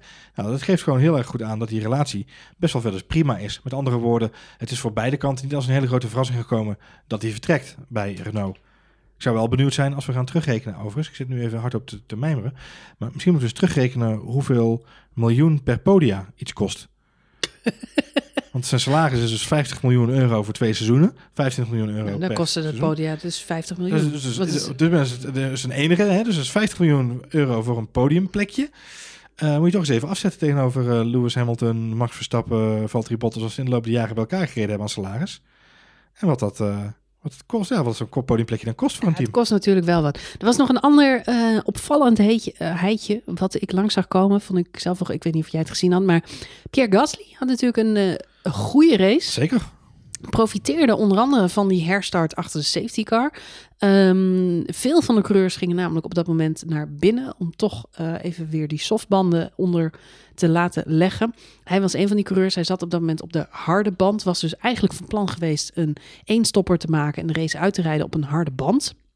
Had een vergelijkbare eh, strategie trouwens met Grosjean. Eh, opvallend verhaal. Grosjean die gaat niet naar binnen in die safety car. En dat is wat Grosjean uiteindelijk zijn negende plek en eerste punten van dit seizoen oplevert. Dus good for you, Grosjean.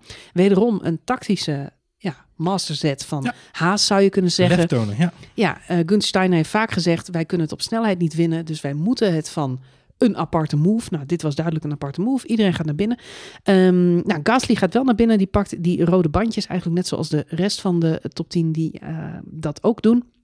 Komt goed weg bij de herstart. Pakt zijn plek terug, die hij op dat moment aan eh Grosjean is eh, verloren. Maar pakt ook Leclerc en rijdt zichzelf naar een zesde plek. Is gewoon hartstikke knap. Goede prestatie eh, in die auto. Dus weer een goede race van hem. Hij was er ook heel blij mee. Hij heeft er ook over getwitterd. Wat ik opvallend vond, is dat hij aan het eind van die tweet ook Ricciardo feliciteert en team Renault. Ja, vond ik ook opvallend inderdaad. Ja. En ook over de boordradio was hij eh, natuurlijk was veel over te doen over hashtag tattoo time. Want voor, voor Albert Boel is natuurlijk een, een, een, een afloop van een, van een weddenschapje dat hij heeft met Daniel Ricciardo over de tatoeage die gaan nemen. Of tussen die Albert Boel krijgt aangeboden door de heer eh, Ricciardo in dit geval. Ehm, Max Verstappen reageerde natuurlijk al over. Hè, dat uh, dat uh, Albert Boel nu een mooie rode stier getatoeëerd kon krijgen. Ook Gasly deed dat over de boordradio. Ook hij was over de boordradio mondig over die tatoeage. Vond ik heel opvallend. Toch een beetje de oude Renault-teams die dan toch, de oude Renault-gebruikers, om zo maar even zeggen, die daar een mening over hebben. Maar ik snap al waar jij heen wil. Want het is natuurlijk een zwaaiend detail als je het vergelijkt. Dat Gasly natuurlijk een Franse coureur is, die nog wel eens genoemd wordt, dat hij ook bij Renault zou kunnen gaan rijden in de in toekomst. In hoeverre zouden er toch gesprekken gaan zijn, Johan? Uh, en dan als vervanger van Ocon bedoel je? Ja, of, want, want, of, van, of op termijn Al Alonso. Fernando ligt volgens mij voor twee seizoenen nu vast. Hij ligt voor twee seizoenen vast. Ja. Maar ja, Ocon is natuurlijk dramatisch. Nou denk ik niet dat ze met uh, Fernando een hele concurrerende rijder in huis halen. Tenminste, ik vind de Fernando Alonso, die moet zich echt gaan bewijzen. Die is twee jaar weg geweest, hè? Fernando Alonso is voor iedereen, is die een, uh, op alles is hij een 9, heeft hij gezegd in een interview deze week. Dus uh, ja, hij nou, vindt ik... op alle vlakken scoort hij een 9. Dus ik denk dat Van Alonso een hele goede aanschaf is geweest voor hem. Nou, het is wel een laadbloeier. Want in die zin, het was natuurlijk vroeger, toen hij jong was, echt een aardslelijk joch. Maar in de loop der jaren heeft hij toch een soort uh, flamboyante looks gekregen. Het is wel een man die met de leeftijd... Uh, Waar, waarvoor de leeftijd goed is. Hoe zeg okay. je dat? Ja, nee, he aged well. He aged well. Ja. Dus misschien geldt het ook voor zijn... Karakter, ja. nee, ik ben er bang voor. Nee. voor zijn coureurskunsten, weet ik veel. Nee joh, ja, dat, weet je, zijn coureurskunsten staan buiten kijf. Dat die man hard, hard goed kan racen is, is natuurlijk uh, uh, bekend. Maar het feit dat het natuurlijk nogal een, een, een flamboyant figuur is. Je zegt terecht flamboyant. Uh, maar ook nogal explosief. Uh, in zijn, uh, in zijn uh, gedrag. En nogal politiek, als je de meeste verhalen moet geloven uit het paddock. Ja, dat is volgens mij niet veranderd. En ik moet, we moeten de documentaire op Amazon Prime nog kijken van Fernando Alonso. De, weet je, ik ben echt heel erg bang dat dat een hele grote Fernando-show is. Want het is tenslotte zijn documentaire. Uh, maar het is, het is een hele, hele rare vogel onderaan de streep. En ik denk niet dat dat is veranderd in de afgelopen tijd dat hij weg is geweest. Um, dus ik ben bang, uh, met een uh, grote B en een hoofdletter A en een hoofdletter N en een hoofdletter G, dat dat voor Renault een, een hele slechte zet kan zijn als het gaat om de chemie in het team. Um, waar je nu Daniel Ricciardo hebt, die alles doet met een grote glimlach. Zelfs het omleggen van Ocon in, uh, in het kampioenschap uh, op de baan uh, doet hij met een grote glimlach en met de grootste egaars, om het maar even Frans te zeggen. Um, krijg je dadelijk Alonso die het niet schuwt om gewoon te roepen GP2 engine, GP2 engine als het hem niet zint. wat natuurlijk voor het merk Renault, ook al gaan ze door als Alpine, um, niet heel erg prettig is om mee te maken als dat geroepen wordt over je motor. Dus, Laten we niet vergeten, Fernando Alonso twee keer kampioen geworden in een Renault. Hij Zeker. weet ook wel dat dit zijn allerlaatste kans is. Uh, dus ik neem aan dat hij net als Vettel en Kimi Räikkönen een beetje het, op zijn woorden denk gaat je letten. dat het een race van Roest als hij erin zit? Dat is mijn laatste kans. Denk je dat hij daarmee bezig is? Ik weet het niet. Ik vind, ik, ik, nou ja, Vettel en, en, en, en, en Kimi zit ik wel op de bord. Vettel wisten we van, er was altijd iemand die heel veel communiceerde. Nu is het natuurlijk ontzettend stil op ja. zijn boordradio. Die geeft gewoon amper meer feedback. Er komt niet zoveel meer uit. Nee. Is ook logisch, hij gaat daar weg. Um, maar ja, dan, ja, je hoort de meer ervaren... Lewis Hamilton is eigenlijk ook altijd heel rustig. Uh, Max geldt een beetje hetzelfde. Uh, mensen die met veel ervaring rijden gewoon een beetje hun rondjes... en doen hun ding. En ik hoop dat Fernando Alonso ook een beetje in die fase nu zit. Hm. dat hij daar gewoon komt om het team verder te helpen en niet alleen voor zijn eigen persoonlijke verdiensten. Laten we, laten we hopen dat hij het team verder kan helpen. Dat zou het gek zijn. Uh, uh, zeker als je kijkt naar het kampioenschap. We hebben het er nu al met vertrek van Honda natuurlijk ook uitgebreid over gehad. Dat het gewoon heel belangrijk is dat er wel een aantal teams blijven die ook gewoon kunnen concurreren met uh, op dit moment de hegemonie van, van Mercedes. Uh, dus dat zou heel fijn zijn. Dus laten we hopen dat hij Renault kan, uh, kan helpen. Ik zou het heel erg leuk vinden op den duur als we inderdaad wel gewoon uh, twee Franse coureurs zouden zien. En ik denk dat het voor het hoofdkantoor van Renault of Alpine ook geldt. En, weet je, ik, Jij wil Ocon en Gasly ik, ik naast denk, elkaar? ik denk dat het me niet zo verbaast als dat zo zal uitkomen inderdaad. Als dat uiteindelijk een keer gaat gebeuren. En voor Ocon, of sorry, voor Gasly, sorry, uh, is het ook geen verkeerd. We hebben, ik heb het dit al eerder gezegd. Mensen die weg zijn gegaan bij de Red Bull stal, mm -hmm. zijn daar niet altijd slechter van geworden. Kijk naar Daniel Ricciardo, kijk naar uh, Carlos Sainz, kijk nu naar Gasly, hoe die omgaat met zijn demotie hè, vanuit Red Bull mm -hmm. naar AlphaTauri. Ik weet niet of het voor hem heel stom is om uh, gewoon eens een keer te zeggen, weet je wat, koekenbakkers, ik ga even ergens anders kijken. Ik denk dat het een hele slimme zet zou zijn. En ik denk dat, om heel eerlijk te zijn, dat we Gasly volgend jaar niet in een Red Bull zien zitten. Um, wat gek is, want hij heeft natuurlijk een hartstikke goed seizoen gedraaid. Maar aan de andere kant is hij, ja, is hij niet goed genoeg voor die plek. Nou, dan, denk moeten we, ik dan zelf. moeten we toch nog even terug naar uh, onze grote vriend Helmut Marko. Pak ik even mijn aluhoedje er weer bij. Het aluhoedje gaat weer op. Helmut Marko heeft namelijk gisteren op de Duitse televisie gezegd in een interview, hetzelfde interview wat we het over hadden, is dat ze voor drie van de vier coureurs volgend jaar duidelijkheid hebben als het gaat om de Red Bull stal. Uh, zoals Alfa Tauri en Red Bull. Van drie van de vier coureurs hebben ze duidelijkheid voor volgend jaar. Over één hebben ze nog het een en ander uit te werken slash twijfel. Daar hopen ze richting Turkije meer duidelijkheid over te hebben. Spannend. Zou, ja, ik denk dan, dus, ik, mijn eerste gedachte was Albon. Mm -hmm. Natuurlijk, iedereen zijn eerste gedachte is Albon. Nee, Daarna ja. dacht hij, nee, Fiat. Fiat ligt Uh, eruit. logisch. Maar jij zegt nu, ja, misschien Gasly wel. Misschien gaat Gasly wel gewoon zeggen, ik heb al een, uh, een voorcontractje links of rechts. Of, uh, Ah, ik denk, ik ben dat- met je eens. Ik ben er bang voor. 2021 gaat het niet lukken. Maar het zou natuurlijk goed kunnen dat Gasly wel zijn opties aan het openzetten is. Ja. En gewoon wel met Renault op, hè, aan het babbelen is. Net zoals dat Nico Hulkenberg. Het zijn meer coureurs, die zijn gewoon altijd aan het babbelen. Ricciardo is er ook zo een. Die was er gewoon op tijd bij. Ja. Die was bij Renault is hij ineens... ehm, eh, of ineens. eh, Renault is hij natuurlijk weggepoached bij Red Red Bull. Ja. En bij McLaren stonden ze ook eh, vooraan om hem over te nemen. Laten we wel wezen, Ricciardo is ook gewoon een van de beste coureurs op de grid. Ja. Wereldkampioen zal hij denk ik nooit worden. Maar hij is wel een van de betere. Samen met eh, Charles Leclerc, die misschien ook in het categorietje Max Verstappen, Lewis Hamilton ooit komt te zitten. Eh, Als je kijkt naar Charles Leclerc's prestatie dit jaar, wat hij al kan met een Ferrari, wil ik niet weten wat die jongen kan met een hele goede zeggen. auto. Ja. Dus eh, ja, Ricciardo, Lennon Norris, misschien een George Russell. Alhoewel die dit seizoen toch ook een paar stomme Carlos Sainz. foutjes. Carlos Sainz denk ik niet. Die schaar ik daar zelf niet bij. Ah. Maar goed. Maar goed, eh, eh, weet je, voor Gasly is het heel simpel. Ehm, eh, bij Red Bull wordt hij op een doodspoor gezet. Christian Horner heeft gezegd, we gaan Alfa Tauri wordt een, een zusterteam in plaats van een junior team. In plaats van een, eh, hè, een klein zusje, we worden het, eh, gewoon ons, zus, ons zusterteam, een volwaardig team daarnaast. Met, twee, met een volwaardige kopman en een tweede coureur. Dus hij heeft al te horen gekregen, je gaat niet naar Red Bull onderaan de streep. Want je blijft, we zetten je in, dezelfde, in hetzelfde team. Alleen dan in, het, in, het, eh, in een andere, een andere kleurenstelling, om het zo maar even te zeggen. Dus hij weet, daar gaat hij nooit meer die stap maken. Waarschijnlijk heeft hij het al te horen gekregen. Dus het zou voor hem heel goed zijn om die stap te gaan maken. En uh, ja, ja. weet je, Renault is dan misschien wel een hele goede optie. Ja. Wat me in elk geval opvalt, is dat ons op dit moment, voor mijn gevoel, hoop zand in de ogen wordt gestrooid. Want ik hoor een hoop mensen speculeren en ook een beetje uh, vooral de boot afhouden. We hebben het nu net ook weer over gehad. Helmoet Marco die zegt: uh, nee, uh, Hulkenberg is voor ons echt geen serieuze optie voor 2021. We hebben ook Toto Wolf gehoord, die gezegd heeft: nee, ik zou niet weten waarom Max Verstappen naast Lewis Hamilton moet komen te rijden, want we hebben gewoon Ocon en George Russell in de startblokken klaarstaan. Dan denk ik, nou, lieve Toto Wolf, met alle liefde en respect van de wereld. Ocon ga je niet in een Mercedes zetten als je Max Verstappen kunt krijgen. Nee, dat geldt ook voor George Russell. Kijk, Ocon hebben ze natuurlijk in principe als junior al afscheid van genomen nu. En, uh, en dat gaat bij George ik Russell. vond het weer zo...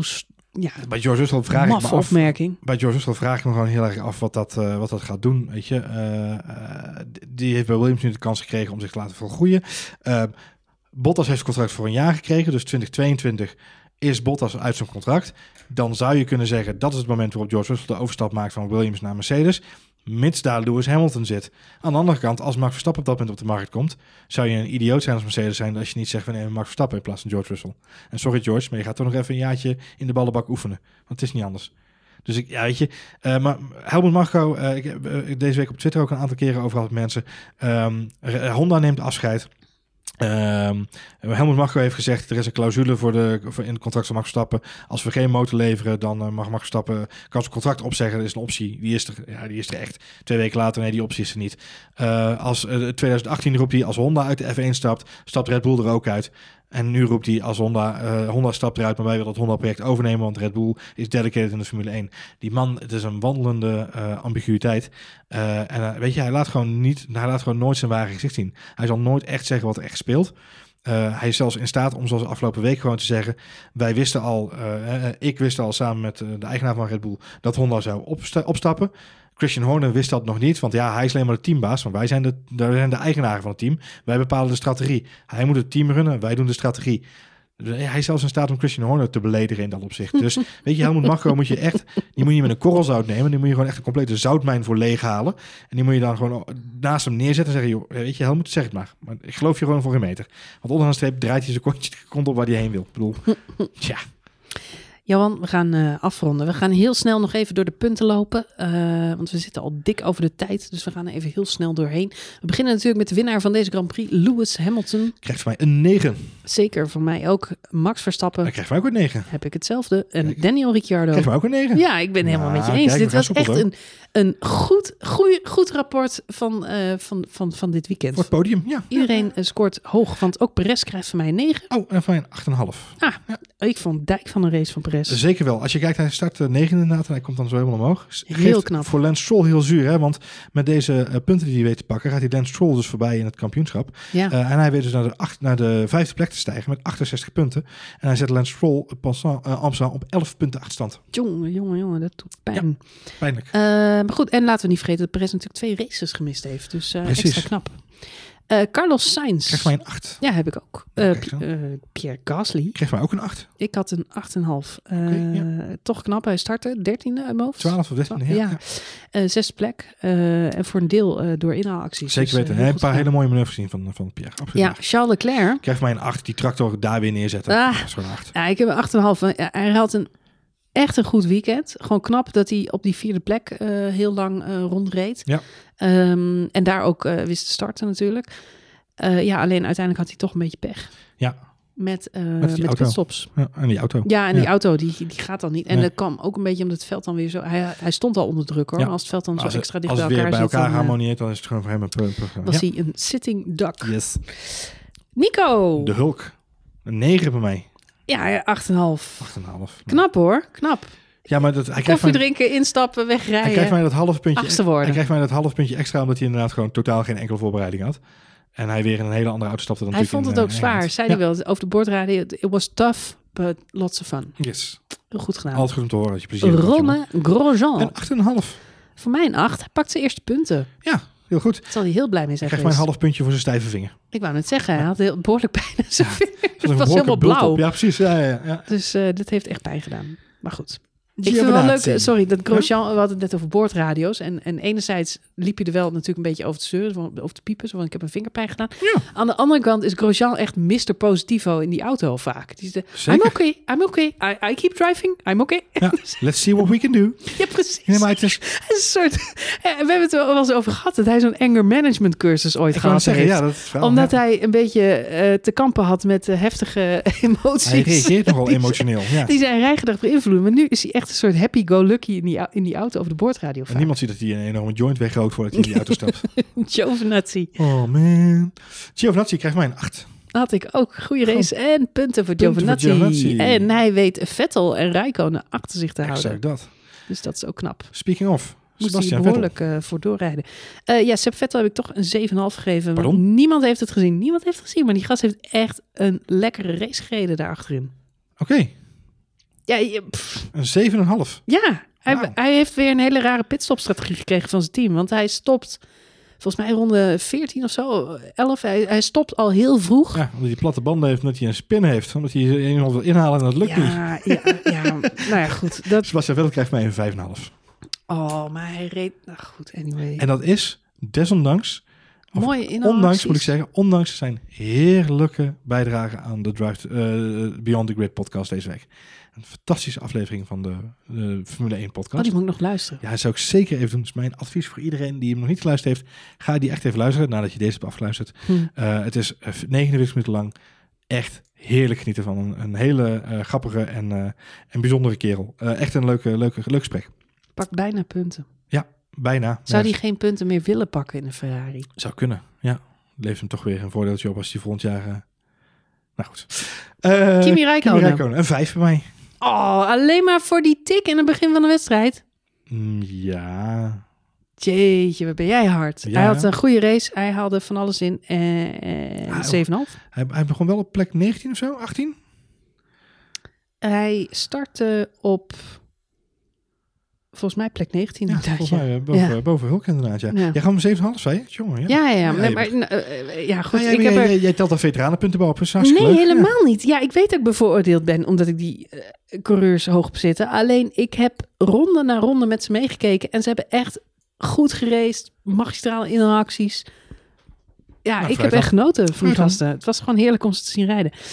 Kevin Magnussen. Kevin Magnussen krijgt van mij een zesje. Ehm Oh. schijnt wel een paar hele mooie dingen te hebben gedaan. Ehm, maar ik moet heel eerlijk zeggen, eh, ik zag hem volgens mij hoger oprijden aan het begin van de race. En hij zag er toch ook weer weg. Ehm, dus had daar volgens mij net iets meer uit kunnen halen voor zichzelf. Ehm, dus een zesje voor mij. Ik heb Kevin Magnussen 8 gegeven. Hij had Zo. wederom een hele goede start. Dat, ja, precies. En hij zat er lekker bij, maar hij heeft een beetje pech gehad. Oké. Met zijn strategie. Uiteindelijk, eh, waar eh, Grosjean natuurlijk wel de massa had De deze had dat hij goed mee kon. Ja. Maar goed, nu hebben ze allebei punten, dus dat maakt het eerlijk. Maar Magnussen reed echt goed. Hm. Eh, Latifi Latifi een zesje. had ik ook onzichtbaar. Fiat, Een zes en half. ja, ik had een vijf, want hij wordt laatste. Ja, fijn op Dat papier is was hij gewoon stom. In Ja. deze race laatste worden, dan krijg je gewoon standaard vijf. Nou had hij natuurlijk wel de pech dat hij de beuk kreeg van onze grote vriend Albon. Eens. Eh, waardoor hij zijn voorvleugel kwijtraakte en eh, een lange pit moest maken voor een nieuw voorvleugeltje. Klopt. Dus dat heeft hem zeker niet geholpen. Maar ik vind, ik vind zijn weekend gewoon heel erg uit balans. Dus eh, weet je, onderaan de streep, als je, als je teamgenoot naar eh, P6 rijdt, moet je minimaal eh, o- o- 10, 11, eh, uiterlijk 12 rijden, zeg maar. Dus dat heeft hij niet gered. Dus een 6,5. Lennon Norris. Lennon Norris eh, gaf ik een 8, want die, die reed op de derde plek. Ja, dijk van de wedstrijd reed Dijk van de wedstrijd. Ja, een 7,5 voor mij, maar eh, eh, ja, de achter kan ik me heel goed in vinden. Ja. Hij reed hartstikke goed. Hij had echt pech met zijn motor. No power, no power. En dat duurde ronde na ronde. Hij Ja. moest op een gegeven moment voor elke bocht moest, moest hij zijn delete, control delete. moest hij zijn motorsettings aanpassen.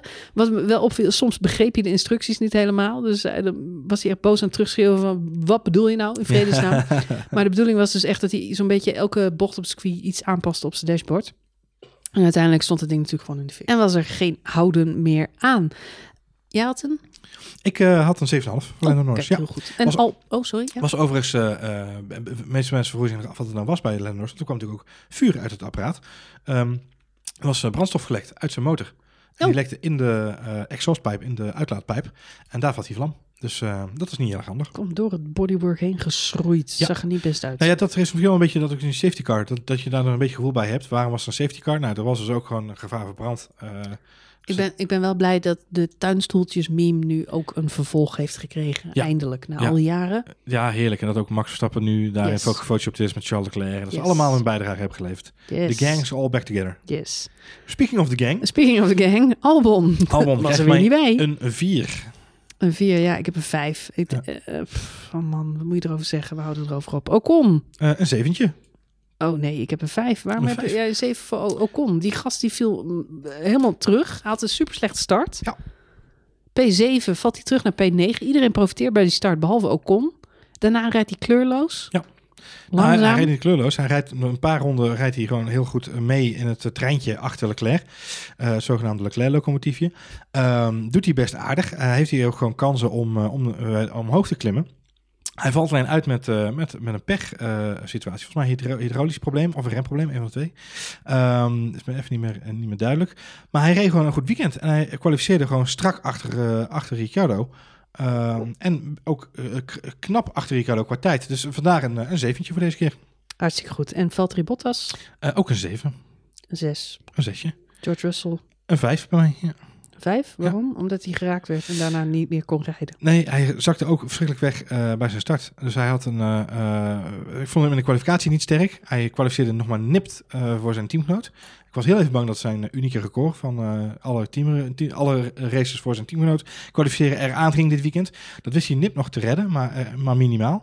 En eh, tijdens de race eh, zakte hij eigenlijk vrij snel ook weg. Eh, dus vandaar dat hij van mij ook een, een vijfje kreeg. Een zes. Oké, deel. Een zes. Maar je kunt er weinig van zeggen, want veel hebben we hem niet gezien. Nee. Eh, de Grand Prix van eh, Duitsland wil ik steeds zeggen, maar mag ik voor jou niet zeggen. nee, wel nog. Je mag van mij alles zeggen wat je Goed, de Grand Prix van Duitsland, Nürburgring, Eiffel, noem hem hoe je hem wil noemen, zit erop. Onze nabeschouwing is voltooid. Ik ben heel benieuwd of we hem volgend jaar terug gaan zien op de kalender, Johan. En we hebben het er net heel even over gehad, maar we weten gewoon op dit moment nog helemaal niet hoe 2021 eruit gaat zien. Nee, volgens mij heeft nog niemand een enig idee hoe de kalender eruit gaat zien. Ik wou eigenlijk namelijk zeggen, nou, het was leuk, maar eh, tot nooit meer ziens. Ja, maar dat helaas. weten we niet. Misschien, misschien komen we gewoon weer terug. Of misschien gaan we naar Hockenheim. Kan van alles, hè? Zou zomaar kunnen. Ja, in principe was het natuurlijk gewoon helemaal geen GP van Duitsland dit jaar, toch? Nee, jij stond eh, niet meer op de niet kalender. Nee, precies. Nu eh, is hij er toch gekomen. Ja, ik vond het toch leuk om, eh, Ja. om er weer te zijn. Het was voor mij Trip Down Memory Lane. Ik ben er twee keer geweest voor Formule 1. Eh, en het blijft een hele mooie baan. Zeker, ja. Dus eh, ik heb ervan genoten. Ehm, wil je reageren op deze podcast? Kan dat zoals altijd via Twitter, via Telegram, via al onze eh, social kanalen. En we vinden het ook leuk als je een review achterlaat in de iTunes podcast app. Dat helpt ons namelijk om sneller gevonden te worden door andere Formule 1 fans. Ja. Dus En vergeet de review, het koffiezet- eh, koffiezetapparaat niet. Nee, ja, post dit. de post-it. Ja. Ja, maar ook op de koelkast, als Mag het ook op de koelkast. Ja. Maar er is niemand op kantoor, Johan. Nee, dat is het lullige eraan. Oh. Eh, dus eh, misschien moet je dan een post-it fotograferen en die delen via de Slack, WhatsApp van je bedrijf. Kijk maar even, gewoon mailen naar al je collega's. Maak even een, gewoon een epic thread. Een epic thread. Een epic thread. Een WhatsAppje. En WhatsAppje. dat zeg In de familie-app. Of in de Slack. Deel het Ja. in de familie-app. Maak een Kan. screenshot. Stuur het aan ons door. Vinden we leuk. Gezellig. Heel graag tot de volgende Grand Prix. Die is over twee weken. Dan zijn wij er weer. Tot de volgende keer.